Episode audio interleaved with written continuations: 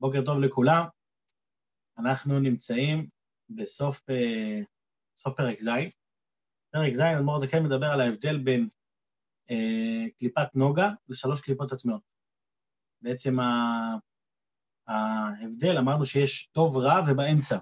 זה השטח האפור הזה, קראתי לשיעור 50 גוונים של אפור, אה, בגלל שגם באפור עצמו יש לנו, בין אפור לשחור יש הרבה חלקים. לא נדבר על 50 חלקים, אבל נדבר על, אה, על חלק אחד. אה,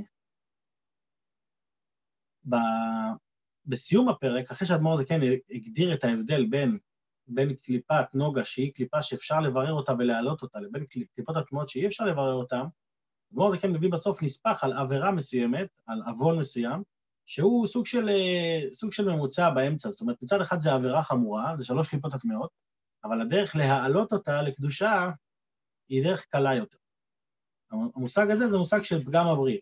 פגם הברית, המושג של פגם הברית זה עוון מאוד מאוד חמור, שמדברים עליו הרבה.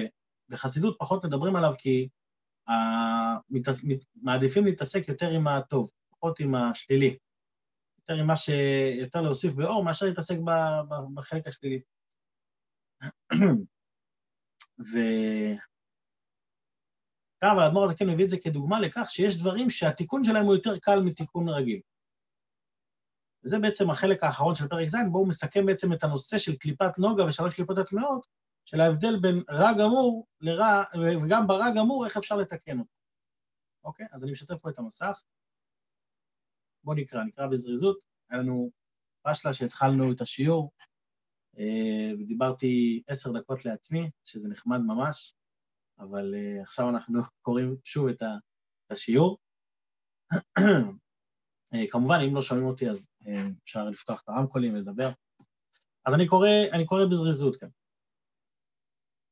אך החיות שבטיפות זרע שיצאו ממנו לבטלה, בן אדם עובר עבירה כזאת שהוצאת זרע לבטלה, הוא משתמש בחיות מסוימת. החיות הזו, אף שהיא ירדה ונכללה בשלוש קליפות הטמעות, למרות שזו עבירה ממש של שלוש קליפות הטמעות, לא קליפת נוגה, אבל אמרנו קודם שכשבן אדם עובר עבירה, איך הוא מתקן אותה? על ידי התשובה מהעבר הבא, כאן. תשובה מאהבה מעומקה דליבה בחשיקה וחפצה, זאת אומרת, יש פה עבודה קשה בשביל להעלות את זה לקדושה. כאן הוא אומר אדמו"ר הזה, כן, לא. הרי זו עולה משם בתשובה נכונה, מספיק תשובה נכונה, תשובה רגילה. איזה תשובה נכונה? בכוונה עצומה בקריאת שמע שעל המיטה. מתכוון בכוונה עצומה בקריאת שמע, הכוונה כוונה עצומה, לא כוונות האריזל, אלא כוונות, בעיקר כוונת של פירוש המילות, להתבונן במילים עצמם, לא לחפש כוונות רוחניות מדי, ומה זה כוונה עצומה להתעצם עם הדבר, שזה נהיה חלק ממנו. אז בכוונה, אז בתשובה נכונה, בכוונה עצומה בקריאת שמע שעל המיטה, כנודע מהאריזה. ומרומז גם בגמרא, כל הקורא קריאת שמע על מיטתו, כאילו אוחז חרב של שתי פיות, שהיא חרב כל כך חזקה, שאי אפשר להתחמק ממנה, היא חדה משני הצדדים. למה משתמשים בחרב הזו? להרוג גופות החיצוניים שנעשו לבוש לחיות שבטיפות, ועולה, ועולה החיות מהם כידוע על ידיכם. זאת אומרת, זאת אומרת שהעבירה הזאת היא עבירה חמורה, אבל הדרך להעלות אותה זה לא כמו שאר העבירות שאמרנו תשובה נכונה וכוונה, אה, תשובה, אה, סליחה, מאהבה וצמאון, ובקיצור, לא דרגות גבוהות, אלא מספיק. למה מספיק? עכשיו הוא יתחיל לפרט, הוא יתחיל גם להסביר לנו למה זה שונה, למרות שמצד אחד בן אדם יגיד, רגע, אם זה שונה, אז אולי זה, זה, זה, זה, זה אולי פחות טוב, זה אולי פחות רע. זה לא פחות רע, זה רע מאוד, רע גמור, רק, ה, רק יש פה איזושהי נקודה שהיא נותנת לך הקלה בדרך התיקון והתשובה של זה. אז בואו נמשיך רגע בפנים. ולכן, לא הוזכר עוון זרע לבטלה בתורה בכלל ביות אסורות. ביות אסורות, אנחנו קוראים את זה ביום כיפור, בקריאה של יום כיפור, אנחנו קוראים את כל, ה... כל הביעות אסורות, ערוות זה לא תגלה, ערוות זה לא תגלה, ממש... זה... אבל לא מופיע שם עוון זרע לבטלה. אז לכאורה בן אדם יגיד, לא מופיע, כנראה זה פחות חמור. אומר אדמו"ר זה כן, לא. אף שחמור מהן, וגדול עוונו. למה גדול עוונו? מבחינת הגדלת, הגדלות וריבוי הטומאה והקליפות שמולידו הרבה במאוד. במאוד מאוד בהוצאת זרע לבטלה. יותר מביעות אסורות. בן אדם כתוב, כתוב בגמרא גם, שמי שעובר את העבירה הזאת, אז הוא בעצם לקח חיות מהקדושה והוריד אותה לקליפה. איך הוא הוריד אותה לקליפה? כי במקום הולדה של חיים, אתה, אתה השחטת, השחטת, זה נקרא השחטת האנושות. זה החומר, החומ, החומרה של העוון הזה.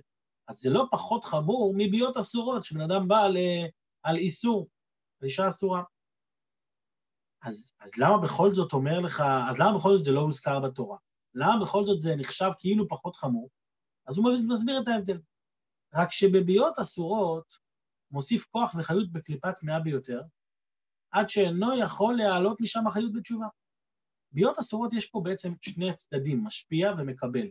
המשפיע לוקח מתוכו ומשפיע את זה לתוך המקבל. אז, אה, אז מה יוצא מזה? יוצא מזה שהחלק ממנו נקלט במקום הטומאה, ונהיה חלק ממנו. אז לא משנה מה תעשה, אפילו אם אתה עושה תשובה, הדבר, החלק ממך, חלק מהקדושה שלך נהיה בתוך הקליפה, והוא נהיה בצורה פיזית. כמו שאמרנו בשיעור הקודם על העניין של חיבוט הקבר, למה הגוף צריך חיבוט הקבר? כי נשאר רושם, זה מדובר על, על דברים מותרים, נשאר רושם מהקדושה. על אחת כמה וכמה, שיש פה ביות אסורות, מה זה ביות אסורות? שיש פה, אה, יש פה השרשה בקליפה של משהו פיזי, לא משנה כמה תשובה אתה תעשה, יכול להיות שאת הכוח והחיות אתה תעלה, אבל את הדבר עצמו אתה לא יכול לשנות. וזה מה שנותן כולה לעוון של הוצאת זרע לבטלה, שזה לא נקלט לפחות במקום אחר. אז כשאתה עושה תשובה נכונה ובכוונה עצומה, אז אתה מעלה את, ה, את הנקודה הזאת, את החיות הזאת שהשתמשת בה. פה הוא מסביר בהגה את מה שדיברנו כאן, הוא מסביר את זה באותיות של קבלה קצת. למה אי אפשר להעלות את זה? מפני שנקלטה, אני פה בהגה. מפני שנקלטה ביסוד דנוקבה דקליפה, יסוד, דרגת היסוד, כן, של נוקבה המקבל, איזה נוקבה של קליפה, שהיא מקבלת וקולטת החיות מהקדושה. שקל בזרע לבטלה, שאין שם מבחינת נוקבה דקליפה. מה כן יש שם? רק שכוחותיה וחילותיה של מי של הנפש מלבישים לחיות שבטיפות כידוע ליודעיכם. זאת אומרת שה... החיות שלי, הכוח שלי הושקע במשהו שלילי, אז אני צריך לתקן את הכוח הזה. והתיקון של הכוח הזה הוא תיקון קצת יותר קל. אז הוא ממשיך פה בנושא הזה של קליפה, קליפת מאה שבביאות אסורות, אתה לא יכול להעלות את זה בתשובה, אלא אם כן מה?